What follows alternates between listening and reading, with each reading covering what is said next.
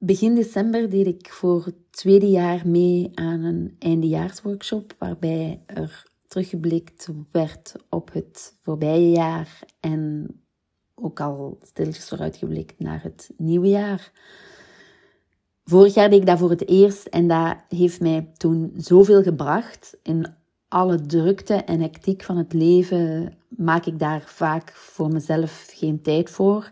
En door mij dan aan te melden voor zo'n workshop, dan, ja, dan word ik gedwongen om even stil te staan. En ja, dan, dan gaan je gedachten terug naar het voorbije jaar. En um, dat is zo waardevol. En dankzij die eindejaarsworkshop besefte ik dat um, ehm, 2021 mij een paar hele mooie lessen geleerd heeft.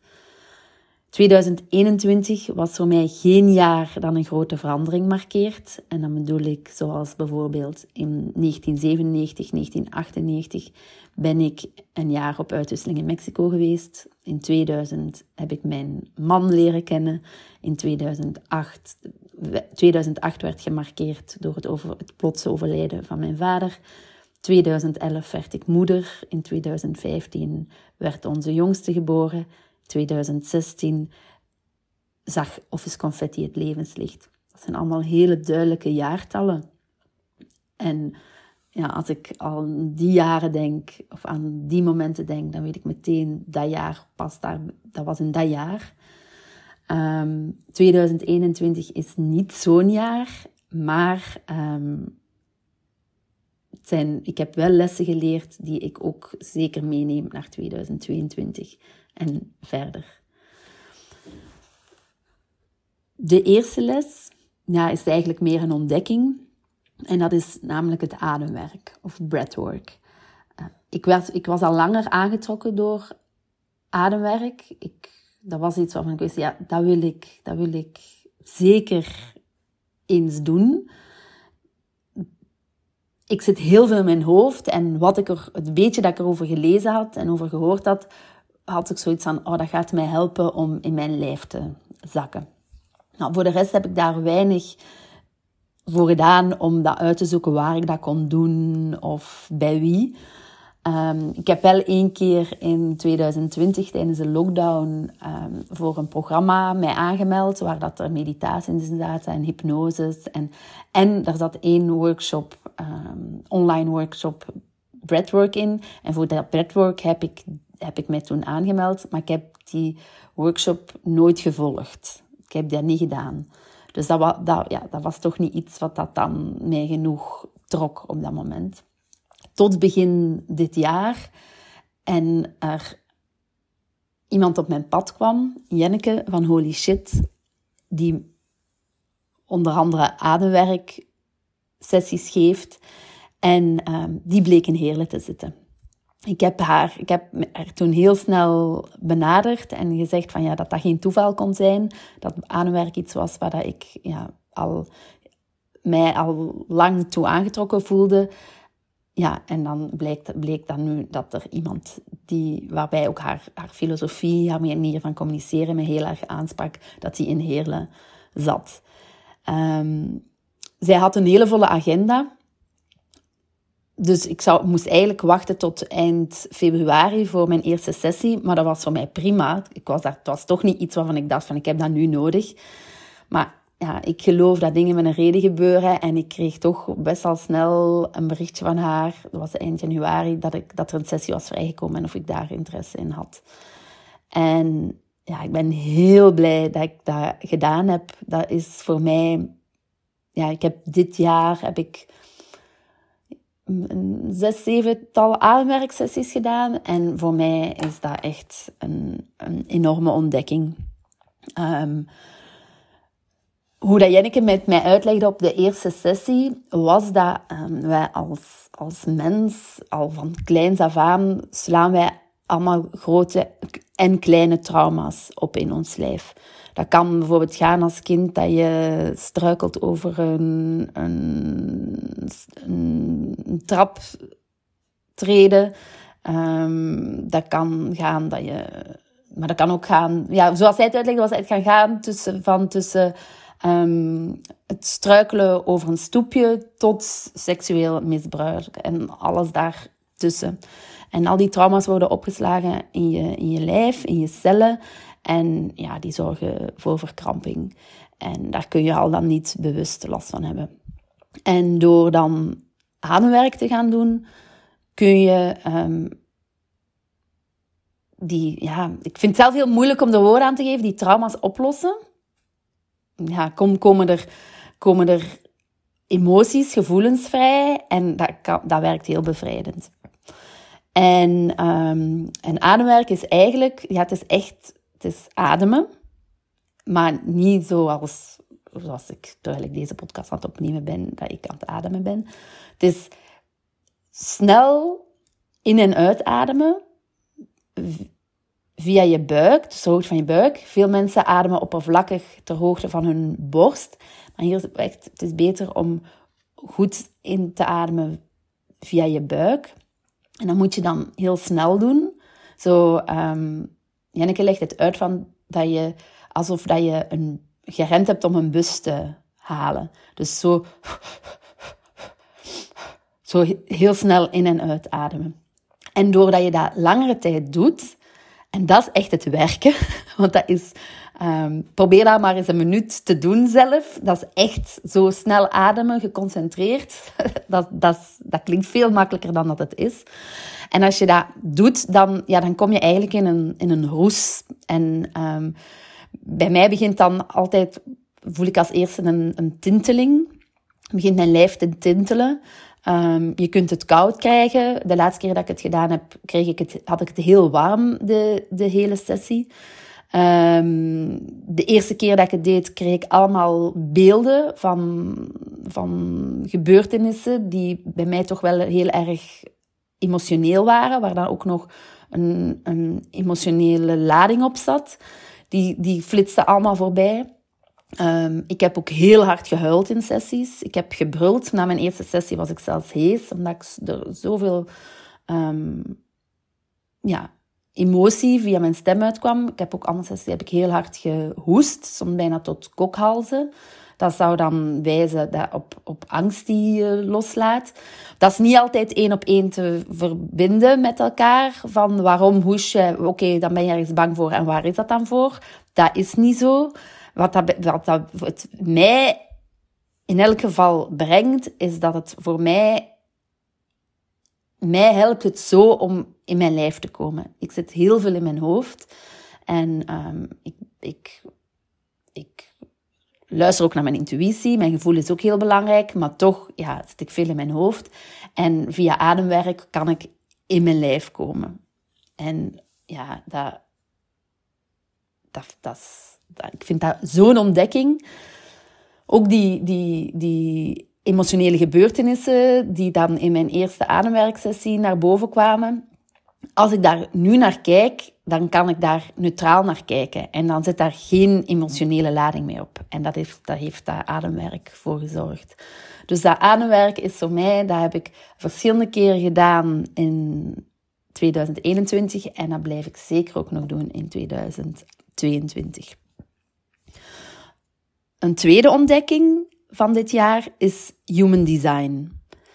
Human design is een combinatie van spirituele benaderingen, zoals astrologie, de chakras, de Kabbalah, de I Ching, dat is een Chinese leer, en wetenschap, zoals kwantumfysica, biochemie, genetica, sterrenkunde. Toen ik voor het eerst aan human design hoorde, was ik daar wel wat sceptisch over, want dat was um, op basis van je geboortedag en tijdstip. Dus niet zoals bij de horoscoop, bij astrologie, of ja, bij de horoscoop. Bij astrologie is het tijdstip ook wel belangrijk, maar bij de horoscoop die je in de boekjes ziet staan, dan is het alleen maar ja, je sterrenbeeld op basis van je geboortedag. Um, maar iemand die ik hoor had zitten, die deelde daar heel veel over. En ja, die deelde steeds meer dat ik toch wel getriggerd was erdoor. En dan ben ik mijn profiel toch gaan opzoeken aan de hand van mijn geboortedatum en tijdstip. En dan bleek dat ik een projector was. En, en wat dat ik dan las over die projector, was aan de ene kant echt wel herkenbaar. En aan de andere kant ook iets van, ja, dit is zo algemeen, zo vaag. Maar het was toch genoeg om een, om een zaadje te planten. En uiteindelijk heb ik ook een Human Design Reading laten doen. En dat heeft mij heel veel gebracht, heel veel inzicht gegeven. En ik kijk naar Human Design nu als naar een tool om inzicht te krijgen in hoe ik het best met mijn energie kan omgaan. En bijvoorbeeld, als je. Um, er, um, er zijn een aantal types in het Human Design. Vier of vijf, afhankelijk van. Um, waar je erover leest. En um, bij een projector, um, dat is een niet-energietype, als ik het nu goed zeg. En dus ik mag mijn energie bewaken en dat herken ik ook. Als je dan weet welk type je bent, dan is het interessant om te gaan kijken, oké, welke strategie past bij dat type? En bij een projector is dat die, dat die op de uitnodiging mag wachten. En dat is iets dat ik enorm herken. Dat is vanaf het begin van mijn um, van Office Confetti. Heb ik hele mooie uitnodigingen gekregen voor samenwerkingen bijvoorbeeld. Um, of dan bedenk ik van, oh, ik wil graag. Um, bijvoorbeeld dit jaar was, had ik stiekem een wens dat ik een columnist wilde schrijven ja, en ik bedenk dat dan en ik ja, gooi dat dan het universum in, om het zo maar te zeggen. En ik heb effectief een uitnodiging gekregen om een column te schrijven. Ja, ik vind dat dat, dat is dan zo'n mooie uitnodiging. Dus dat is iets wat ik helemaal herken, wat ik eigenlijk onbewust al toepaste. En doordat ik dat nu weet, pas ik dat nog meer toe. Dan, dat helpt mij ook om te bepalen van, oké, wat wil ik nu doen? Welke volgende stap zal ik in mijn bedrijf nemen? Dus dan wacht ik op de uitnodiging. Elk type heeft ook, of iedereen, nee, niet, want dat, dat kan, uh, het is niet omdat je een projector bent dat je dat, dat. Wacht even. Elk type, iedereen heeft een autoriteit. En het is ja, in die autoriteiten ben ik niet, nog niet heel erg thuis, maar ik weet dat ik een emotional projector ben. En dat wil zeggen dat ik, um, als je emotionele autoriteit hebt, dan ga je, ja, dan ben je emotioneel. en dan heb je een emotionele golf.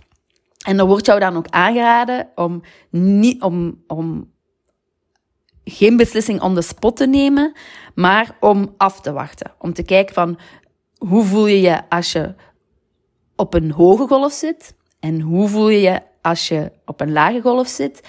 En door, daar, door dat een kans te geven, krijg je helderheid. En het is eigenlijk pas als je de emotie van de beslissing hebt afgehaald, dan dat is het moment om een beslissing te nemen.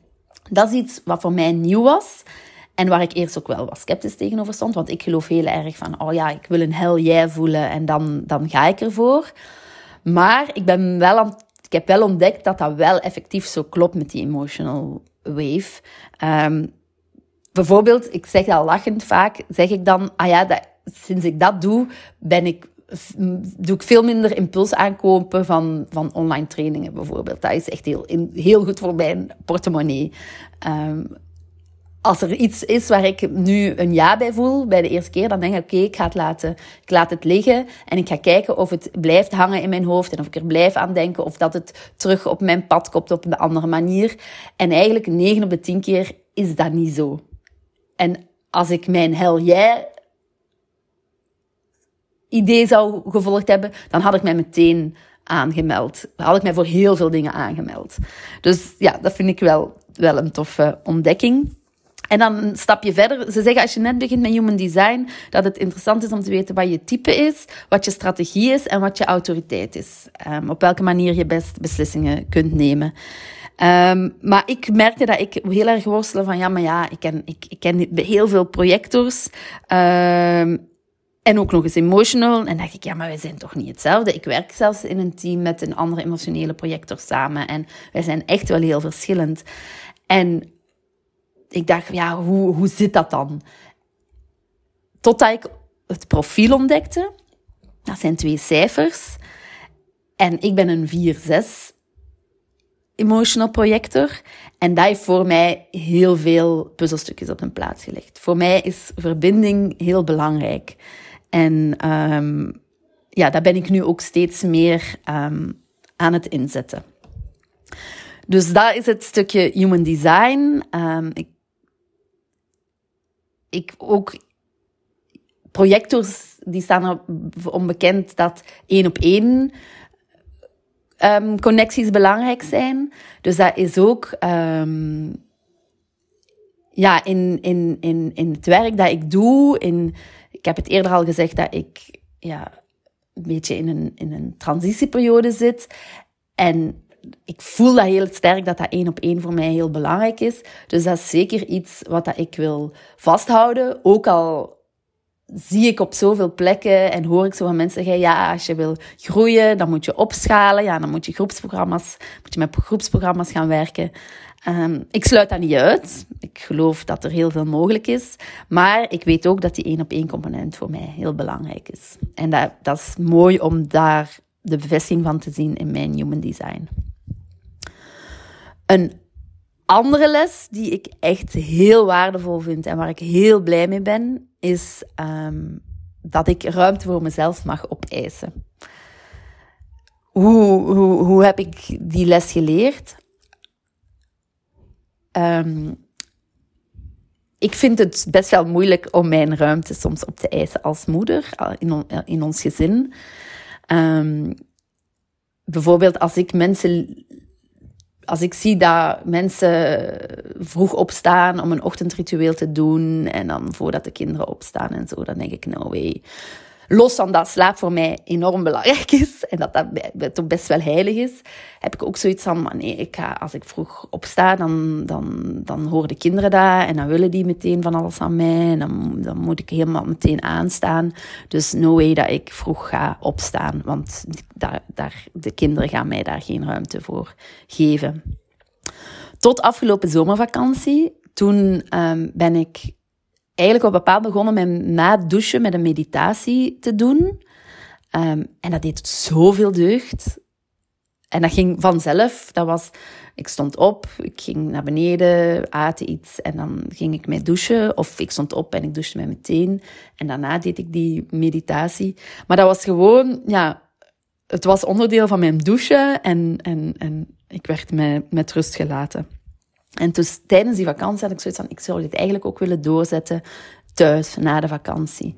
En eerst kwam dan de belemmerende overtuiging van, nee, dat gaat niet, dat gaat niet lukken. Dat, ja, ik ga daar geen ruimte voor krijgen. Maar toen dacht ik, ja, ik ga dat gewoon bespreken. Ik heb dat eerst besproken met mijn man. En ja, nu, ik zei, ja, ik wil misschien zelfs wel een half uurtje eerder ervoor opstaan. Um, waar ik normaal om zeven uur de wekker zette, dan om, om half zeven. Ja, echt waar. Saskia ging vroeger opstaan voor een ochtendritueel. dat was ook al wow. Um, en die, ja, die, die ondersteunde dat helemaal. En dan heb ik, ja, en dan het grappige is, ik had dat met mijn mama gesproken. En de eerste dag dat ik dat dan ga, dan deed, dat ik was opgestaan, gedoucht. En dat het was toen nog in de vakantie. En dat ik die, dat ik mij teruggetrokken had om een meditatie te doen. Toen begon mijn, midden in, in de meditatie, ging mijn oudste zoon op zoek naar mij. Die, die riep mij van, mama, waar ben je?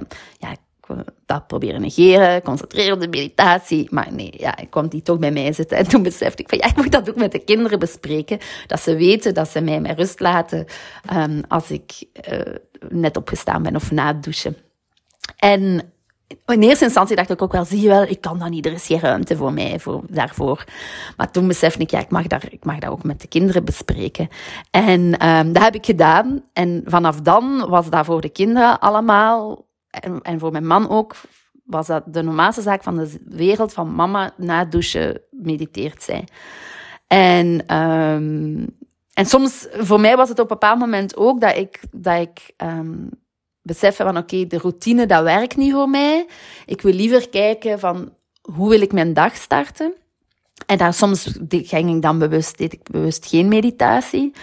En dat dan de kinderen vroegen van, mama, ga je nog mediteren? En dat was voor mij, daarom, dat, niet zozeer dat mediteren was het belangrijkste, maar het feit dat ik mijn ruimte mag opeisen.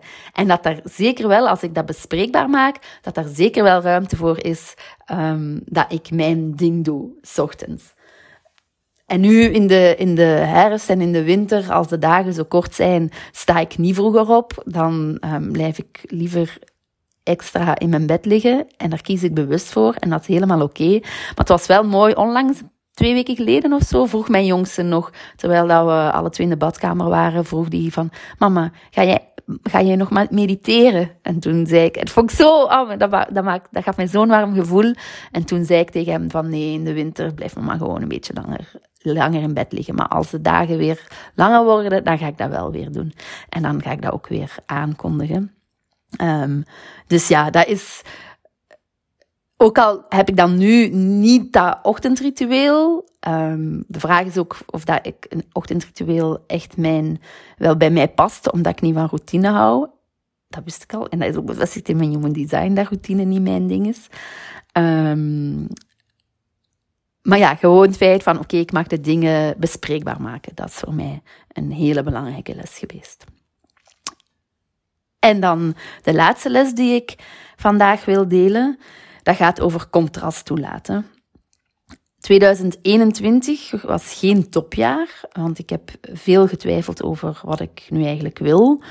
Um, eigenlijk is het al eind februari heb ik voor het eerst naar mijn man uitgesproken dat ik geen plezier meer beleefde aan mijn VA-werk. Ik zag dat ook voor oproepen voor VA's die voorbij kwamen. Daar, daar voelde ik me niet door, tot, door aangesproken. Ja, dan, maar dan is de vraag van, maar wat dan wel?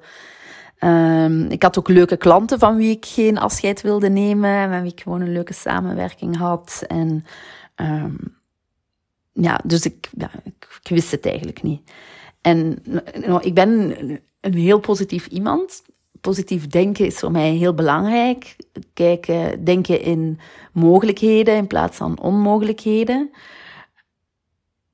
Als er iets vervelends gebeurt, dan heb ik de neiging om meteen te kijken van wat kan ik hiervan leren en, en om mij te focussen op wat dat er wel is. En dat is een hele goede eigenschap. Daar ben ik ook blij om en, en daardoor straal ik ook heel veel positiviteit uit. Dat krijg ik ook terug van andere mensen. Maar het gevaar is dan dat je um, de lessen die, die je kunt leren van als je contrast voelt, dat je die dan mist. Want je gaat niet een laagje dieper. Het is eigenlijk ook een stukje, het is ook kan ook oppervlakkig zijn en het kan ook een, ah, ja, dat, dat positivisme, dat kan ook als beschermingsmechanisme dienen. Want als jij niet de confrontatie met jezelf aangaat, dan hoef je daar ook niet mee te dealen met eventuele um, inzichten die je krijgt, die, die toch niet zo makkelijk zijn om, om, om te verwerken, of, ja, of emoties die naar boven komen. Dat, um, daar, ja, dat is soms wel makkelijker om, die, om daar niet mee, um, mee aan de slag te hoeven gaan. Maar dit jaar heb ik dus geleerd van oké, contrast, dat mag er zijn. En in al mijn twijfel was het helemaal oké dat ik twijfelde. Ik, ik ervaarde daar een soort rust van. Um, een soort rust bij. Um, ik voelde heel veel vertrouwen. Ik, ook al was ik niet mijn sprankelende zelf, en als mensen mij vroegen, hoe gaat het met je? Daar waar ik ja, eigenlijk de eerste vier jaar van Office Confetti altijd heel enthousiast over mijn werk en, en over de dingen die op mijn pad kwamen, had ik dat dit jaar veel minder. Veel meer zo, ja, ik weet eigenlijk niet meer wat ik wil en ben niet meer zo heel enthousiast. En, um, maar dat was oké. Ik heb altijd heel duidelijk het vertrouwen gevoeld dat het wel duidelijk zou worden. Als ik het maar zijn tijd zou geven. Of als ik maar gewoon mijn ding zou blijven doen. En, en zeker niet in de slachtofferrol zou vervallen. Dus ik heb mij ook gefocust op mijn werk voor mijn, voor mijn hele fijne klanten. Um, er kwam ook veel vermoeidheid uit. Ik heb ook ja, de eerste jaren van Office Confetti heel hard gewerkt, heel veel gedaan. Um, en nu was ik eigenlijk, eigenlijk alleen vooral bezig met werk voor mijn klanten. En af en toe was ik wel zichtbaar. Ik heb ook af en toe wel gedeeld over mijn twijfels. En daar kreeg ik dan mooie reacties op. En, maar er zat geen consistentie in en dat was helemaal oké. En um, ja, ik dacht, het is ook goed dat al die vermoeidheid er nu uitkomt, want ik heb, mijn lijf geeft aan dat ik die rust nodig heb. Uiteindelijk drie, vier, vijf maanden later was ik nog steeds best wel erg moe. En ja, heb ik zelfs mijn bloed laten onderzoeken om te kijken of dat er ja, misschien toch niks fysiek aan de hand was. Dat was niet zo. Dus dat was aan de ene kant een opluchting van oef. Maar aan de andere kant ook van oké, maar wat is er dan aan de hand als ik zo moe ben? Um, maar ja, goed, ik, ik, deed mijn ding. Ik zorgde dat ik genoeg sliep. En, um, ja, en tegelijkertijd kon, kan er ook niet heel veel in coronatijd. Um, dat is ook iets wat ik geleerd heb vanuit mijn human design.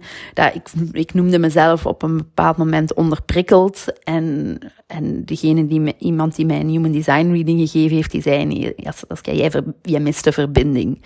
En ja, dat, dat herken ik wel ik hou heel erg van op mezelf zijn, maar ik heb ook ja, wel op tijd en stond behoefte aan een goed gesprek.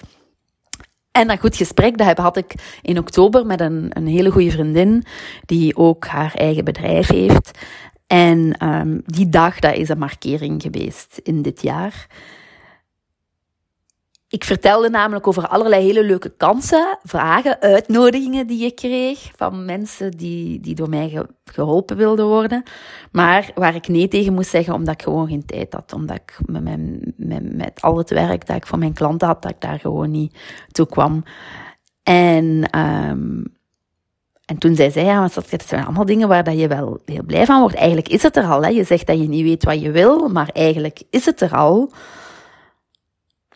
hoe ga, hoe, wat kun je doen dat je dat, dat je dat wel, dat je daar, dat je die dingen wel kunt doen? En toen zei ik, ja, dan, dan, dan zal ik de samenwerking met een, met een, met mijn grootste klant en ook mijn, een van mijn fijnste klanten stop moeten zetten, want dat is te operationeel.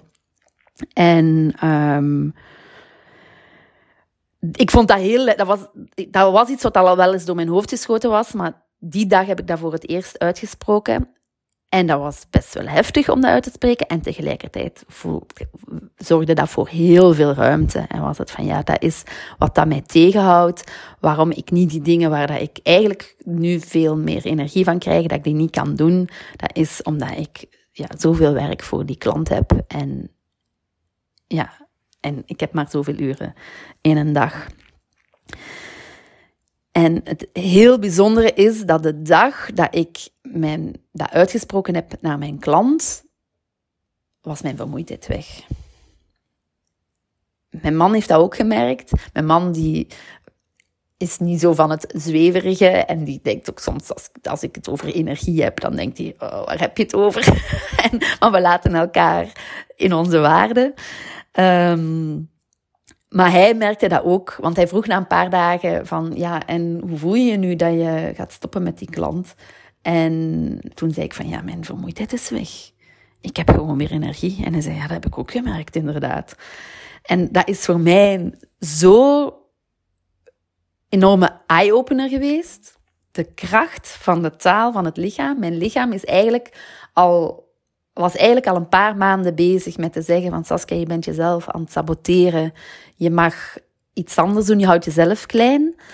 En uiteindelijk, uiteraard, ik ben er ook nog steeds aan overtuigd, er is ook vermoeidheid uitgekomen van, van de jaren. Ook, ja, ook misschien wel van, van de hele coronatoestand en alles. Maar sinds ik dus uitgesproken heb van ik wil dat operationele niet meer doen, nu spring ik uit naar de, naar de wereld. Ik wil gewoon, ik wil meer overzicht bewaren. Ik wil met mensen meedenken. Ik, ik, um, ja, en, en daar, ik kan daar nog geen precieze term op plakken, maar dat is niet erg heb ik zoveel energie en komen er zoveel toffe kansen op mijn pad. De dag dat ik heb uitgesproken, of de week waarin ik heb uitgesproken van ja, ik wil dat operationele stuk niet meer doen, die uitvoering, die pure uitvoering wil ik niet meer doen. Um, toen kreeg ik een, een, mail van een VA, die, een startende VA die door mij begeleid wilde worden. Ik kreeg een vraag van iemand die op zoek was naar een sparringpartner. Ik heb een paar weken later heb ik de vraag gekregen van iemand die, die hulp nodig had bij de lancering van een online training. Um, ik heb een heel tof gesprek gehad met iemand met een heel tof bedrijf en met wie ik um, volgend jaar ga samenwerken. Die ik ook ga helpen met een stukje online positionering. Um, ja, ik vind dat, ik vind dat, ja, ik hou, ik noem dat magisch. Ik vind dat prachtig. En dat is ja, de kracht van mijn lichaam. En dat, dat, dat maakt eigenlijk de cirkel rond, hè, waar ik begon met mijn grootste ontdekking, dat ademwerk. Wat dat mij helpt om uit mijn hoofd te komen en met mijn lijf. Ja, lichaamswerk is wel een, een rode draad geweest in 2021. En daar wil ik in 2022 ook mee verder gaan. Zo, als ik het zo zelf ik had dat maar voorbereid, deze podcast. En als ik het zo zie staan en als ik het mezelf heb horen vertellen, dan denk ik van wauw, dat is toch wel, het is toch wel een bijzonder jaar geweest, 2021. En ik ben heel benieuwd wat 2022 gaat brengen.